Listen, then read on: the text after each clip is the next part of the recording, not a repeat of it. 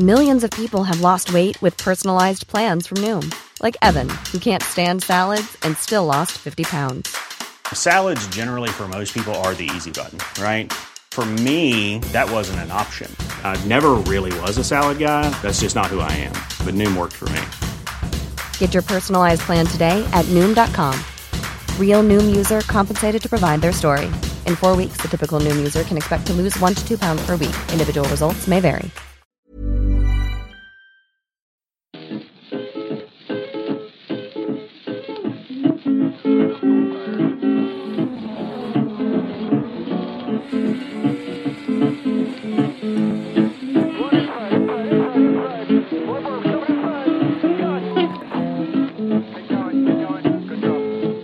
Said I know where my easy rider gone. Said I wanna know where my easy rider gone. She's an easy rider, she'll ride not so long. Välkommen till Indiepodden ska ni vara allihopa. Det har varit eh, turbulenta veckor men äntligen så sitter jag ner här. Men jag har knäckt en energidryck och bara bara redo att njuta av den här närmsta timmen som jag har med mina bästa motorsportvänner Gary Gay och Jakob. Hej på er! Kul att vara här. Ja, vad säger vi? Vart, vart börjar vi någonstans? Vi ska ju prata lite historia idag. Ja. Jaha. Men, men först, vad roligt att vi är, vi är bland dina bästa racingvänner. Det är ju kul. Ja, ja ni är mina bästa eh, motorsportvänner. eh, Jag och vid sidan av min far som delar samma passion. Ja, det är ju samma lika här ju. Det är bara trevligt att vara, vara med på det här. En bromance helt enkelt. Men eh, vi, ska, vi ska ju prata Indycars historia. Vi var ju framme vid, för några veckor sedan så jobbade vi oss fram till 30-talet. Eh, så nu tänkte vi prata 1930 till 1950. Det väl passar väl jättebra här nu för det var ju depressionens tid där och vi är ju lite inne i samma era nu här med allt eh, som händer i omvärlden. Men först får vi ändå säga veckans nyheten då som inte har med fysisk Indycar att göra men en virtuell Indycar. Äntligen så har ju då Indycar också hakat på det här med e-sport. Ja, jätteroligt. Vem vill ta det? Vi tycker vi Jakob får dra den lilla synopsisen. Eh, ja, Indycar hakar på samma trend som Formel 1, Nascar, Supercars Australia, stort sett alla stora racingsäsonger som inte har blivit av ännu. Eh, de drar igång en eh, iRacing-serie, en officiell iRacing-serie för sina officiella förare, de riktiga Indycar-förarna då. 28 mars, alltså nu på lördag blir det väl, kommer det allra första Indycar Challenge-loppet köras. Eh, kommer väl livesändas på eh, YouTube kan jag tänka mig. Det tycker jag är en ganska kul sak med de här nyinlagda simrace-loppen, att eh, de, de sänds gratis på internet. Liksom, Formel 1s eh, race nu i helgen, eh, inte skulle ett riktigt Formel 1-lopp bara livesändas på Facebook bara sådär. Så Absolut. Å andra sidan, vem skulle betala för det Formel 1 sände i helgen? skulle någon av er göra det? Throwing Det some var ju shade. total, total mayhem var det ju. Det var, ju, det var ju katastrof. Det var ju så fruktansvärt dåligt. Nu ska inte jag vara den som är så negativ och dra ner den positiva stämningen. Jag håller med, det är jätteroligt att alla satsar på e-sport. Men F1 lyckades ju göra en riktigt keft av det. Det var ju, det var ju Ja. verkligen inte bra. För det första att de inte från början var tydliga med att det här har ju liksom ingenting med våra aktuella förare att göra. Sen var det ju väldigt kul att eh, vad var Lando Norris och eh, eh, Nicolas Latifi som, eh, som ställde upp. Av, av, Nico Hülkenberg också. Ja, men han är ju en föredetting. Jag tänker på, på de riktiga dagens förare. För att när, när de lanserade det här så lät det verkligen som att det här är, det här är liksom alternativet till Grand Prix Racing. Och då föreställer man sig ett fullt fält plus några andra. Det var, det var liksom så jag uppfattade nyheten. Jag kanske inte läste tillräckligt noggrant bland de finstilta eh, längre ner i texten. Jag skulle ha gjort det. För att jag, jag blev extremt besviken. Och det, ytterligare en, en besvikelse var ungefär det sista Formel 1 eh, eh, behövde. Och när man läste kommentarerna så var det, jag verkade inte varit helt ensam i världen om att tycka att det, det de producerade var ju, var ju inte särskilt kul att se på. Då är det ändå lite högre nivå ändå rent organisationsmässigt på det racet som gick på lördagen med Felix Rosenqvist Mm. eh, via The Race. Och det var ju andra delen i den här All Star e-sport eh, eventet då. då alltså Joel Palmer, den före detta Formel 1-föraren var ju liksom veckan innan också expertkommentator. De hade ju studio och allting som de kommenterade och det var ju riktigt hög nivå tycker jag överlag. Och sen även racingen var bättre än veckan innan också. Felix hade någon riktigt fina och väldigt alltså, sch- schyssta bataljer där med Junkadeja va? Absolut. Den här gången blev inte Felix Rosenqvist då bästa riktiga racerförare. Eh, bättre resultat än förra veckan med en femteplats, men det var ju Danny Yukadeya som eh, känner från DTM särskilt. Som, eh, Det var en bra fight de hade på slutet. Det var på näst sista varvet som Yukadeya kom, kom förbi. Men just det eventet hade det riktigt bra nivå sk- skulle jag vilja säga. De körde på Indianapolis Motor Speedways Road Course med Indy Pro 2000-bilarna som eh, Rasmus Lind känner igen ganska väl. Eh, Så det var absolut en höjning från förra veckan och eftersom många riktiga racerförare är ganska nya med simracing, e-sport så ska man inte förvänta sig att, att det kommer vara samma standard som på riktigt. Man har ju sett Montoya krascha, krascha bort sig tre, fyra gånger på två veckor nu. Eh, Men det är kul att det är så många som hakar på den här trenden när vi ändå alla flesta av oss sitter hemma och känner oss lite instängda. Mm. Och i helgen är det alltså Indycar iRacing Challenge då med Ja. de stora Indycar-stjärnorna. Bland annat, jag skulle gissa att Marcus Eriksson också är med för han har ju på sociala medier visat upp sin eh, jättefina simrig nu. Precis sån som eh, Felix har tror jag. Ja, Fe- Felix hjälpte till att bygga upp den också. Jag såg det. Så eh, antar att ett antal Indycar-förare verkligen kommer vara med. För jag tror att Indycar har nog plockat ett blad från Nascars bok där att Nascar hade en riktig en invitational med bara riktiga racerförare. Det var ett häftigt lopp de hade med också i, i helgen med eh, Danny Hamlin som vann precis före Dale Earnhardt Jr. Och sen så var det ett dussintal andra eh, riktiga förare, ink- inklusive Kyle Busch och Jimmy Johnson. Eh, Så jag tror Indycar försöker kommer f- har tittat noga på vad Nascar har gjort och det, det Nascar har gjort det har varit faktiskt det proffsigare, proffsigaste hittills. Vi får hoppas det, men där, det finns ingen så här tydlig officiell bekräftelse på att det blir alla, eller så många som möjligt av de riktiga Indycar-förarna va? Utan det hänger fortfarande i luften. Det hänger nog i luften, det beror på vilka som är lediga liksom överlag, oavsett, oavsett vad. Eh, Jag tror, att många, jag tror att många testar nu också under veckan här. Jag vet ju Tony Kanan var ju också med och körde i, eh, i helgen här mot Felix va? Och, men jag kan gissa att det är många som testar här nu och ser vilken nivå de ligger på. Om de kan komma upp i någon hyfsad nivå för att vara med och, och, eh, och köra. Eh, För det står ju ändå lite rykte på spel även om det är e-sport det handlar om. Ja, det är någonting jag funderat på. Hur, hur väl översätts formen i, hemma, i, hemma bakom datorn till den riktiga racerbilen? Eh, man- Jag tror inte man ska läsa för mycket i, i den dagsformen, men ifall det går bra så det är ju ett tecken på att den föraren är väldigt hungrig. Så Jag, då är det bra dagsform för Felix nu. jag ställde den frågan till, till en simulatorspecialist när jag var i Enstone, Renaults Formel 1-fabrik. Och alltså deras simulatorer ligger ju på en helt annan nivå än de simulatorerna de här förarna sitter och kör hemifrån när de racear e-sport. Såklart. Men eh, generellt menade han efter att ha jobbat med ett väldigt stort antal eh, F1-förare och en, alla deras juniorförare de senaste 10-15 åren.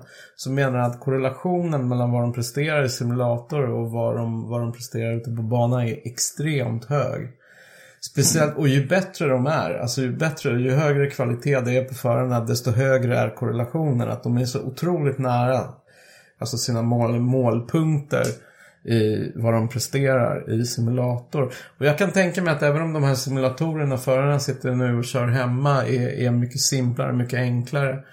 Eh, och inte, inte alls replikerar G-krafter och, och rörelser och, och allt det där. så, så kan jag tänka mig att de, de ändå fångar någon slags, någon slags hackordning som inte är helt ryckt ur luften. I alla fall så fort förarna har hunnit så här, vänja sig vid att det ändå är någonting annat. Det är ju ändå inte, det är inte samma sak är det ju inte. Men, men det är ju ändå grundkunskaperna för att vara snabb tror jag ändå översätts relativt snabbt till det här nya formatet, den här nya känslan. Ska vi prata historia då? Mm, Eller där vi är framme i historien. tycker jag. Ska vi dra en liten, bara liten kort recap vad, vad vi pratade om för några veckor sedan. Vi pratade om inledningen eh, av indie-historien i typ runt 1905 va? Och så jobbar vi oss fram till och med åren innan depressionen va? Mm.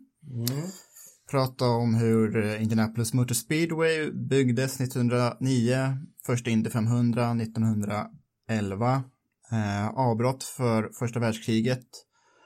Men eh, De här coola träbanorna, att de körde alltså på eh, de är helt boardwalkbanor. Eh, de hann dö ut innan depressionen faktiskt. De höll ju bara i ett par år i snitt. Så vi är vid 1929 då.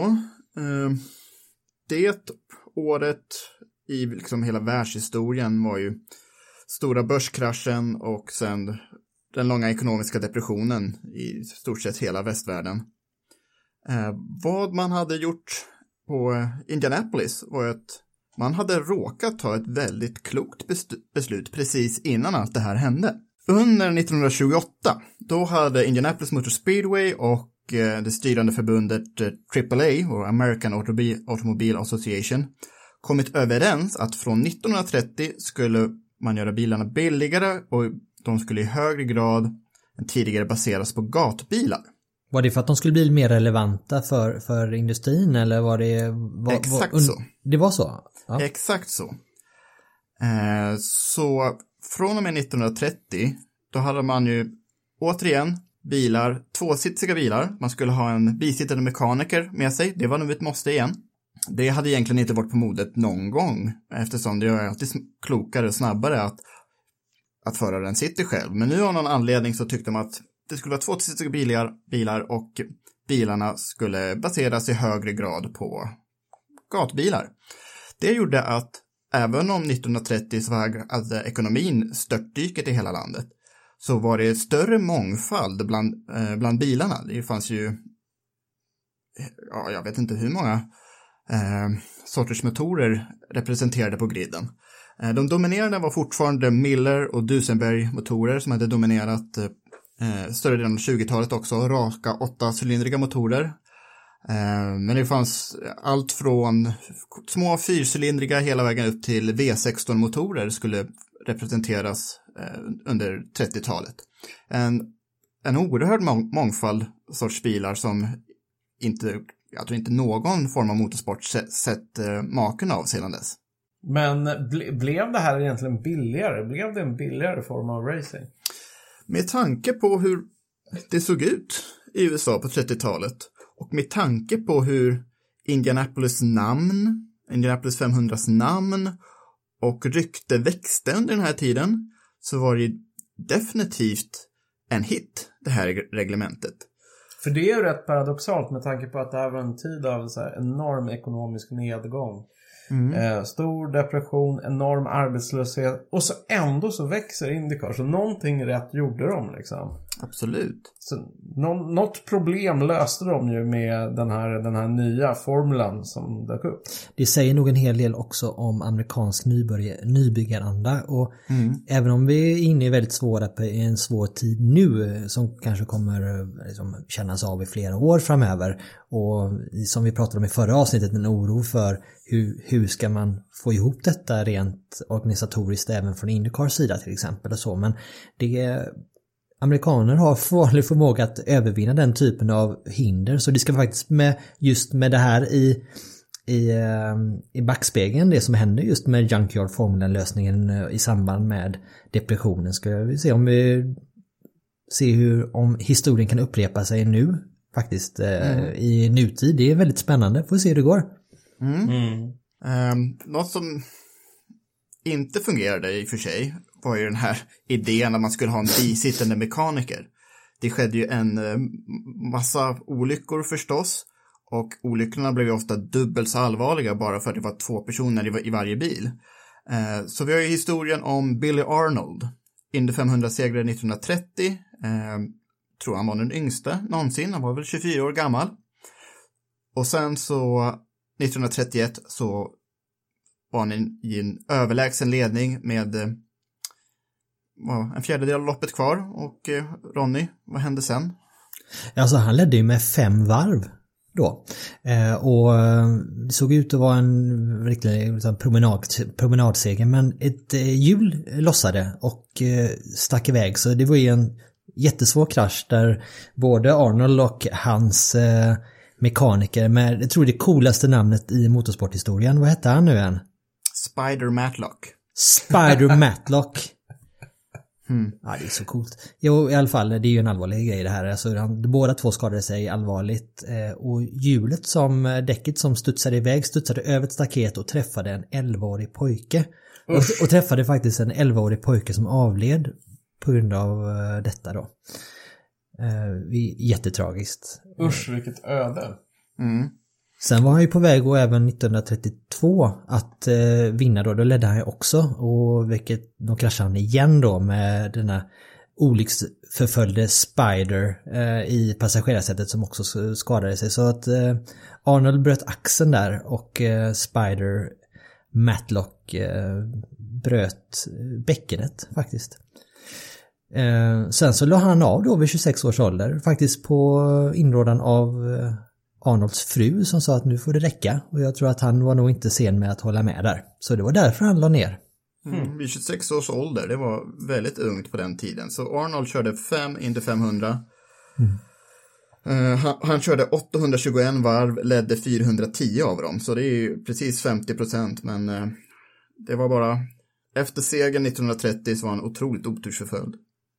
Men, men hörni, vet man hur det gick för den här Spider? Var det, var det här när han bröt sitt bäcken? Var det sista gången han åkte shotgun på Indianapolis? Eller? Det får vi faktiskt kolla upp. Kan vi... Det måste vi nästan kolla upp. Ja, det får vi faktiskt kolla upp, ja. ja. Men vi kollar upp det. Vi kan inte kolla upp det med en gång? När vi ändå är på ämnet. Vem googlar snabbast? Spider Matlock, Spider Matlock. Spider... Indycar googling. Det går jävligt fort. Spider Matlock IMDB. Spider Matlock dies. Oj. Matlock joins veteran Ace in death. Stars or killers cars, car hits wall at Ascot. Oj, ja. Så det här måste vara samma för den 1936. Okej, okay, så 36 gick han bort då? Mm. I en annan olycka alltså? Mm. Ja. Han, han kände inte att det var nog när han bröt sitt bäcken. Han fortsatte. Ja. Mm. Det är en uh, tidningsartikel från uh, Los Angeles. Ascot Speedway, det är en annan Indycar-bana. Mm. Det står Matlock, stunt artist, succumbed to internal injuries while his wife and 10-year-old boy kept an all-night vigil outside his room. Uh, hmm.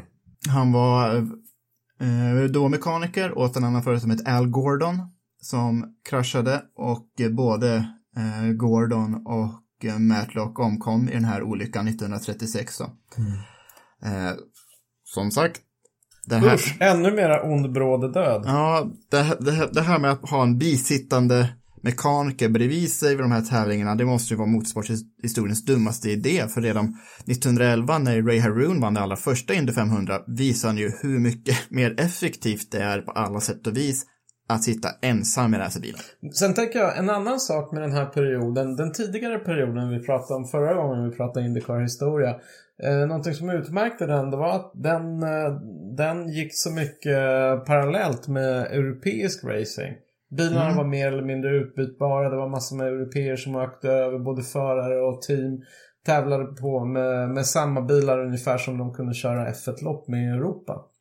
Men här sker ett brott, eller hur? Det, mm. det blir en stor skillnad från och med 30-talet.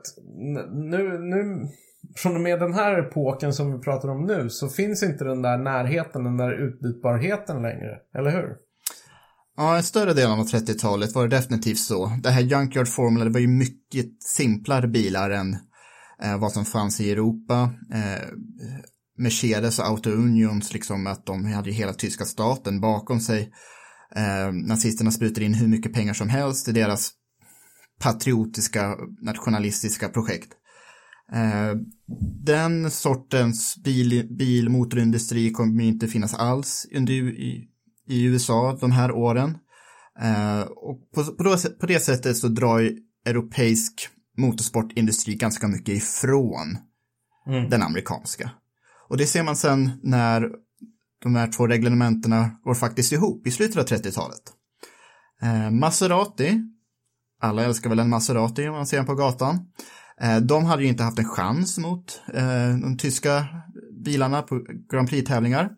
Men eh, det gick ju undan ändå. Maserati kunde bygga motorer och eh, mm. så hamnade ett par Maserati-bilar i USA och kom att dominera eh Indy 500 både 1939 och 1940 i händerna på Wilbur Shaw.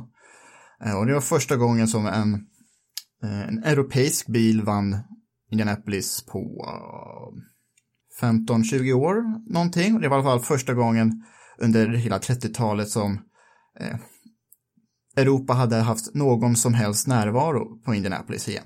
Mm. Och det här var 1938 sa du? 1939 vann Wilbur Shaw. 39, okej. Okay. Med en Maserati alltså? En Grand Prix Maserati som ja. inte hade gjort några resultat i Europa, men det funkar bra på Indianapolis oval.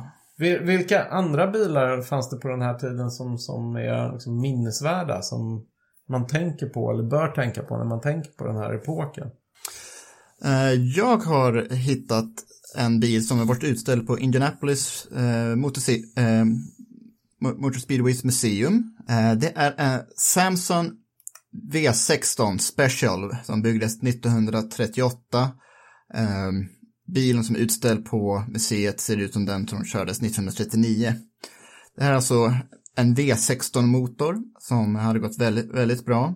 Eh, det lite dock morbida med den här bilen det är att det här är exakt samma motor som satt i bilen när Frank Lockhart, den berömda Eh, Land Speed Record-förare som eh, eh, kraschade med den här motorn på Daytona Beach 1928 och omkom. Han var en eh, fixkärna i, i motorkretsar på 20-talet. Så den här motorn bärgades. Den eh, installerades i några andra bilar och sen tio år efter Lockharts död så hamnade den i en Indy Racer som eh, levde ytterligare ett decennium på Indianapolis Motor Speedway. Så sent som 1946 så kvalade den in som trea på Indy, Indy 500.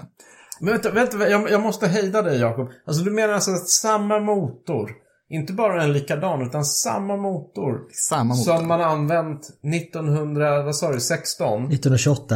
1928. Ja. Och eh, för att försöka slå eh, ett Landspeed record. Mm. Återanvänds sen långt senare, tio år senare, ja. i en Indy Racer. Och sen 1946 kom den in som trea. Den här Samsung V16 Special. Här fattar man liksom vidden av Junkyard. Ja, lite grann så alltså. Det är en... Eh otroligt vacker bil. Den finns utställd på Indianapolis Motor Speedways museum. Eh, förhoppningsvis när våra lyssnare kan eh, vara där också. Annars så finns den utställd på deras virtuella museum. Mm. Jag tycker vi, vi lägger upp lite bilder på dem i, sociala, i våra kanaler på de bilarna vi pratar om här idag. Ja, det är inte varje dag man sprider bilder på V16-bilar. Nej, och den här... Eh, en av de här Maserati-bilarna som gick väldigt bra i på Indianapolis i slutet av 30-talet. Den finns på ett annat museum i Florida. Det här Revs Institute. Eh, min pappa var där förra året. Jag var väldigt avundsjuk. Men eh, den Maseraten är ju det är ett konstverk bara det. Och jag, mm. om man, man får bara tänka rent estetiskt tror, tycker jag nästan att den här perioden precis innan andra världskriget är de snyggaste racerbilarna någonsin. Oavsett om vi snackar Europa, Indianapolis, Eh, jag bara älskar de här väldigt rena formerna som... Ja, de är otroligt rena. Väldigt sådär klassiska. Precis som man föreställer sig en klassisk mm. racerbil från den här epoken. Och som du sa, den Maserati, det är Maserati 8 TCF som den hette då. Den är Ja, det är nog en av mina favoriter också, Jakob. Mm, kul att vi är överens. Ja, men det brukar vi vara. Ja, Fast inte så att det blir tråkigt, utan lagom i överens. nej. Nej, Jag tänkte på den här Wilbur Shaw. Vad, vad var det speciellt med Wilbur Shaw förutom att han vann Indy med en Maserati? Han brann för sporten, måste man ju säga. Ja, du menar inte rent fysiskt utan... Nej, utan han brann på sporten på samma sätt som vi gör ungefär. Liksom, att det, Ja. det här är någonting eh, man lever för. Och sen vad som skulle ske med Indianapolis under andra världskriget det är ju att banan i stort sett står övergiven under fyra år. Efter att andra världskriget tar slut så åker Wilbur Shaw till banan för, för någon form av eh, däcktest och ser att banan är i uruset skick. Han får reda på att banan är till salu och han då åker runt i Indiana, i, Indiana och försöker hitta någon nya investerare. Eh, han hittar en man som heter Tony Hallman som eh, bakpulversmagnat. Har ni hört talas om en bakpulversmagnat tidigare? Nej, Nej. faktiskt aldrig. Sådana måste också finnas, höll jag på att säga. Ja, annars skulle inte bakpulver finnas. Nej men eh, Tony Hallman eh, blir övertygad av Wilbur Shaw att eh, investera i Indianapolis Motor Speedway, använda det som skyltfönster för sitt bakpulver. Jag tror inte det riktigt sker så, men i alla fall Indianapolis 500 är räddat och eh, 1946 har Indianapolis 500 då körts varenda år, varenda år i maj. Ta i trä att vi kan fortsätta Och det arrangera det i maj häftiga också. är väl, eller det är lite, lite otäckt tanke, men visst är det så att eh, banan förblev i Tony Hallmans släkts ägo ända fram till i princip i år. Exakt så. Eller hur? Så att det här är första året som Indy 500 hade körts med banan i annan ägo än Hallman-släkten. På 75 år, ja. Det är, ju, det är ju rätt otroligt om det nu skulle bli så att eh, Indy 500 inte körs. Ja, det är, det är ett lite otäckt omen faktiskt. Väldigt otäckt sammanträffande. När vi säger det så. Om det skulle bli så. Ja, s- ja, det är alltså då eh, Tony Hallmans släkt som fortfarande ägde det här bakpulvret och banan och en andra, massa andra industrier. Men allting såldes av då förra året och det var ju Rocky Penske som köpte upp banan då i höstas. Och eh, alla såg ju det som en fantastiskt bra nyhet att Penske investerar så mycket i sin sport. Eh, hoppas att, ja, ta i trä att det ordnar sig och så vi kommer få ett Indianapolis 500 om ett par månader. När vi ändå är inne och känner lite på Tony Hallman där så kanske vi ändå kan passa på att säga det att det var ju att Wilbur Shaw var ju president då för IM, eh, Indianapolis Motor Speedway fram till sin död 1954 och sen var det ju då Tony Hallman som blev ansiktet utåt för, för banan och det var även om det var inte, han, inte var han som myntade uttrycket Gentlemen start your engine så var det han som gjorde uttrycket berömt eh, på det speciella sätt som han sa det. Gentlemen, start your engine! Those are among the most famous words, certainly in American sport.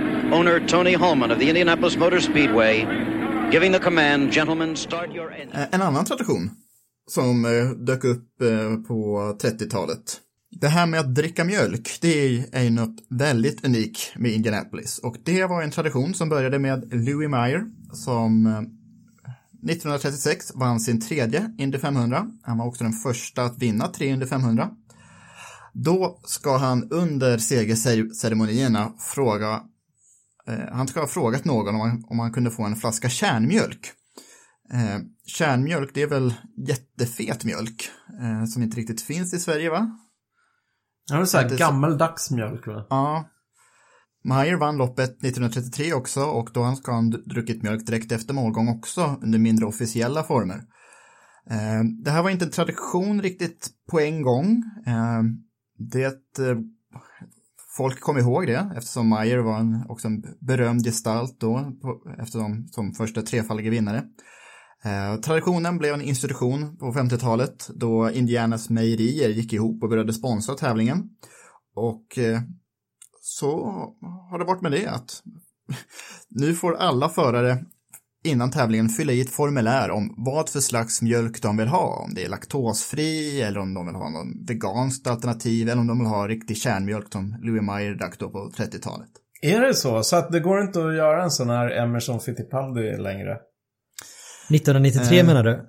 Ja, Ja, det var något Ja, år. Han, han vann och vägrade dricka mjölk utan var tvungen att dricka apelsinjuice för att marknadsföra sitt eget apelsinjuicemärke om jag minns rätt. Ja, han har ju ett antal, han hade ju ett antal plantage då, eh, apelsinplantage då, så att han vill göra reklam för sin apelsinjuice, ja just det. du Just menar att kuppa? Ja, just det. Hur skulle Han du kuppa? kuppar. Precis, han kuppar en apelsinjuice. Men det, det går säkert inte längre för att man skriver säkert på att då stämmer de en på en hundra miljarder. Men Roger Penske styrde ju upp det där lite. Det var ju, Emerson körde ju för Roger Penske 93 då i samband med segern där. Och att han stack till honom lite mjölk så att han åtminstone fick sippa lite på den inför kamerorna då.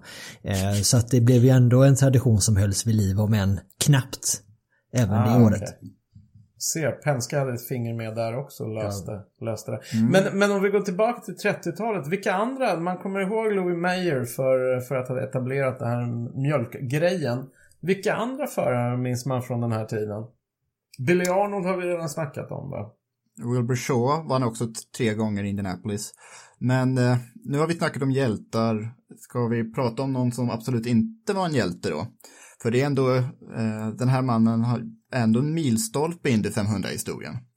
Vi pratar om Kelly Petillo som 1935 vann Indy 500 och det som utmärkte hans seger det var att det var första gången en, off, en Offenhauser-motor eh, skulle vinna eh, Indy 500. Offenhauser är fortfarande den mest framgångsrika motorn eh, någonsin i Indycars historia. En Offenhauser-motor skulle vinna 27 gånger Indy 500.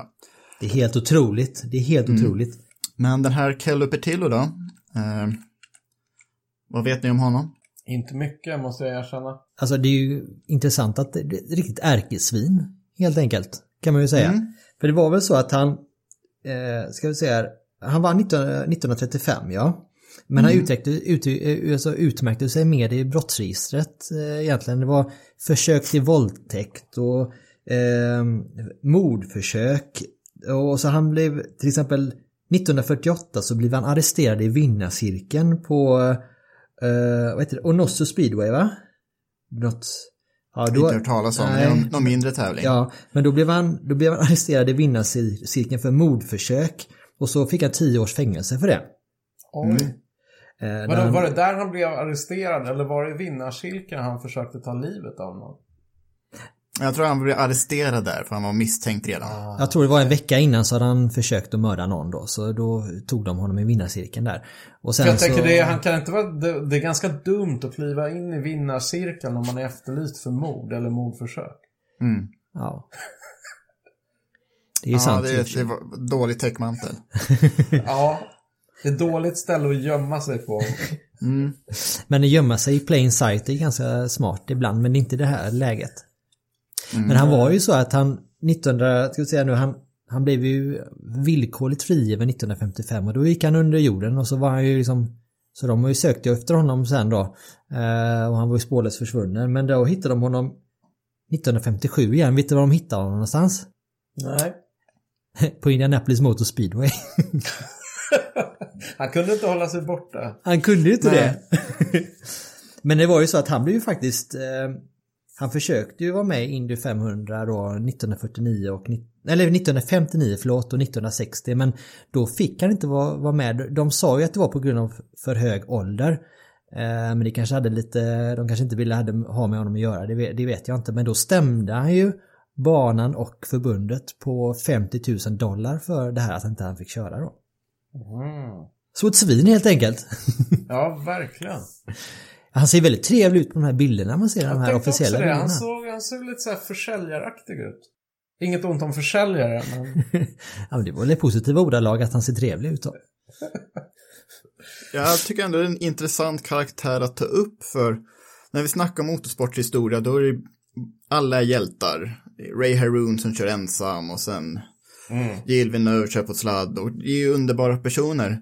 Men i bakgrunden så har det nog funnits ett och annat svin och vi ska väl ändå kunna syna vår historia som vi gör med all annan historia. Absolut. Så även om Kelly Petillo gjorde ett riktigt avtryck som första segrare med en Offenhauser-motor så kan man ju inte säga att eh, eh, han borde ha några applåder för sin karaktär och för, han var inte någon vidare bra ambassadör för sporten trots, Nej. trots sin merit där ändå. När du, när du ändå nämner Offerhauser-motorn, jag tycker vi kan vi inte prata lite mer om den för den var ju alltså ända in på 80-talet som den var framgångsrik. Vad var det som gjorde Offenhauser så bra? Jag tror att nog mest att den var enkel.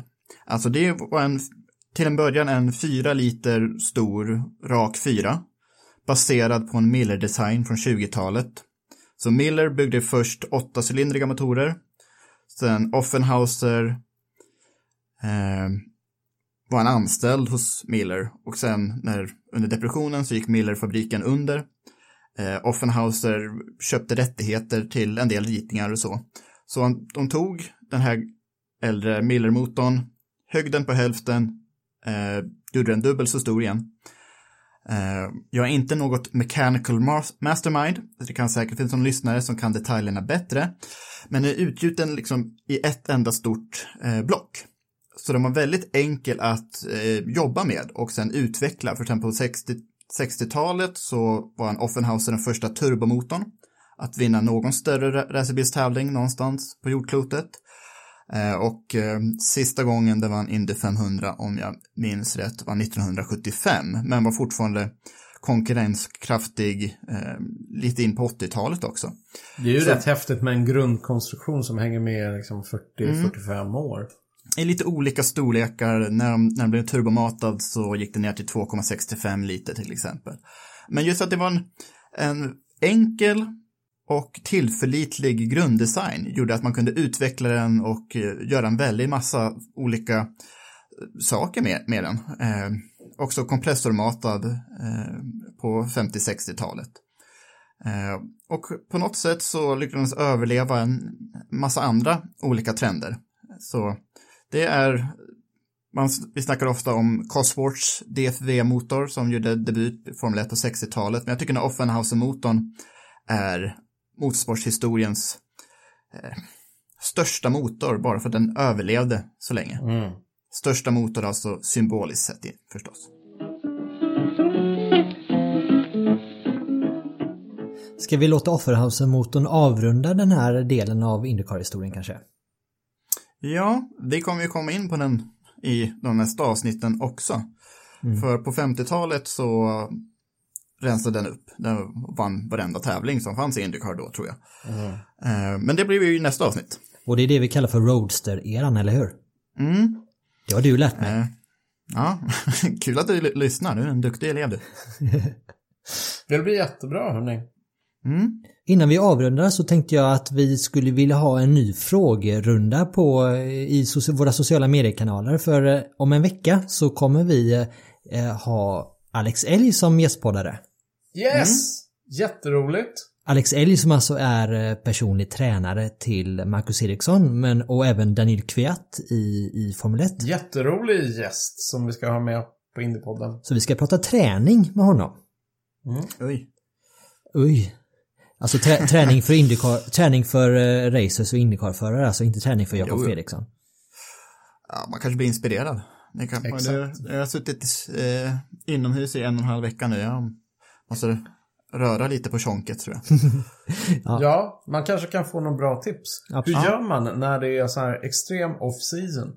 Ja, det, det vill jag absolut fråga honom. Så det ser vi, ser vi fram emot. Hur motiverar man förarna när allting känns så ovisst? Och de ändå måste liksom hålla den fysiska träningen, inte bara hålla den igång, för det tror jag inte de har något problem med, att liksom hålla en riktigt hög nivå som, som förmodligen kräver en massa så saker som mental träning och, och liksom ren motivation. Alltså det, det finns ju väldigt mycket roligt man kan fråga Alex om tror jag. Och hur man mejslar ut en, en fysik för en reseförare. liksom. Vad är det som krävs? Är det uthållighet kontra explosivitet kontra styrka? Eh, det finns så många aspekter av detta som är väldigt intressant att lyssna på. Så att har ni några frågor så vi kommer starta en frågetråd i, eh, på Facebook såklart. Eh, Ni kan skicka PM till oss också. Ni kan mejla till oss. Gå in på indypodden.se så hittar ni vår mejladress där. Ehm, Och- Twitter. Twitter såklart. Instagram, finns Instagram. det också på. Ja. Så in och fråga så tänkte jag då inte, då träffar vi Alex i nästa vecka. Så vi får se om vi släpper avsnittet i nästa vecka eller förmodligen blir det om två veckor då som vi kommer sända det avsnittet. Precis. Men man har en hel vecka på sig nästan att skicka in alla roliga frågor till Alex. Ja, precis. Så, det var allt för den här veckan. Så vi tackar vår samarbetspartner Auto, Motor och Sport såklart. Kom ihåg, fortsätt håll utkik efter Edition F1 i, eh, i butikerna. Edition F1 och Indycar. Ja, visst. Exakt. Indycar-magasinet 2020 kommer vara relevant ett, ett antal månader till. Ett par år till kanske, i värsta fall. Bara uppdatera med lite siffror sen till nästa säsong. Ja. Ändra omslaget bara. Ja, ja, men ja, det är sorgligt. Men det är kul att vi kan skratta åt det. Ja, ja, men det kommer lösa, det löser sig. Det är snart blir Ja, det gör race det. igen. Ja, visst. Och så, eh, ni kan lita på en sak, det är att Indiepodden kommer fortsätta nöta, nöta, nöta med skönt innehåll. Så ni kan, så ni kan hålla oss riktigt goa och varma fram till eh, den riktiga säsongspremiären här senare i år får vi hoppas. Ja, Yes. och eh, en sista sak också. Glöm inte bort Stefan Lillövis Johansson. Kan fortfarande använda rabattkoden. Eh, Indiepodden på stefanjohansson.art om ni vill köpa lite konstverk från honom. Just det, då Eh, får, vad ni, fem, då får ni 15% rabatt ja. Mm. Eh, och om ni inte redan lyssnat på det avsnittet så eh, lyssna jättegärna på vår intervju med Stefan Johansson. Det var en av Indiepoddens höjdpunkter hittills. Vi, eh, det har blivit, blivit en, en hel del höjdpunkter redan skulle jag vilja säga. Ja, det var ett riktigt bra snack med Stefan. Den är, den är väl värd att lyssna på om ni inte har lyssnat på den ännu. Och har ni lyssnat på den så kan ni lyssna på den igen. Mhm. Okej, tack så mycket. Tack, Tack själva. så jättemycket. Ha det! Hej då! Hej! Ha det bra. Said I wanna know where my easy rider gone. I where my easy rider gone. She's an easy rider, but she do ride hard so long.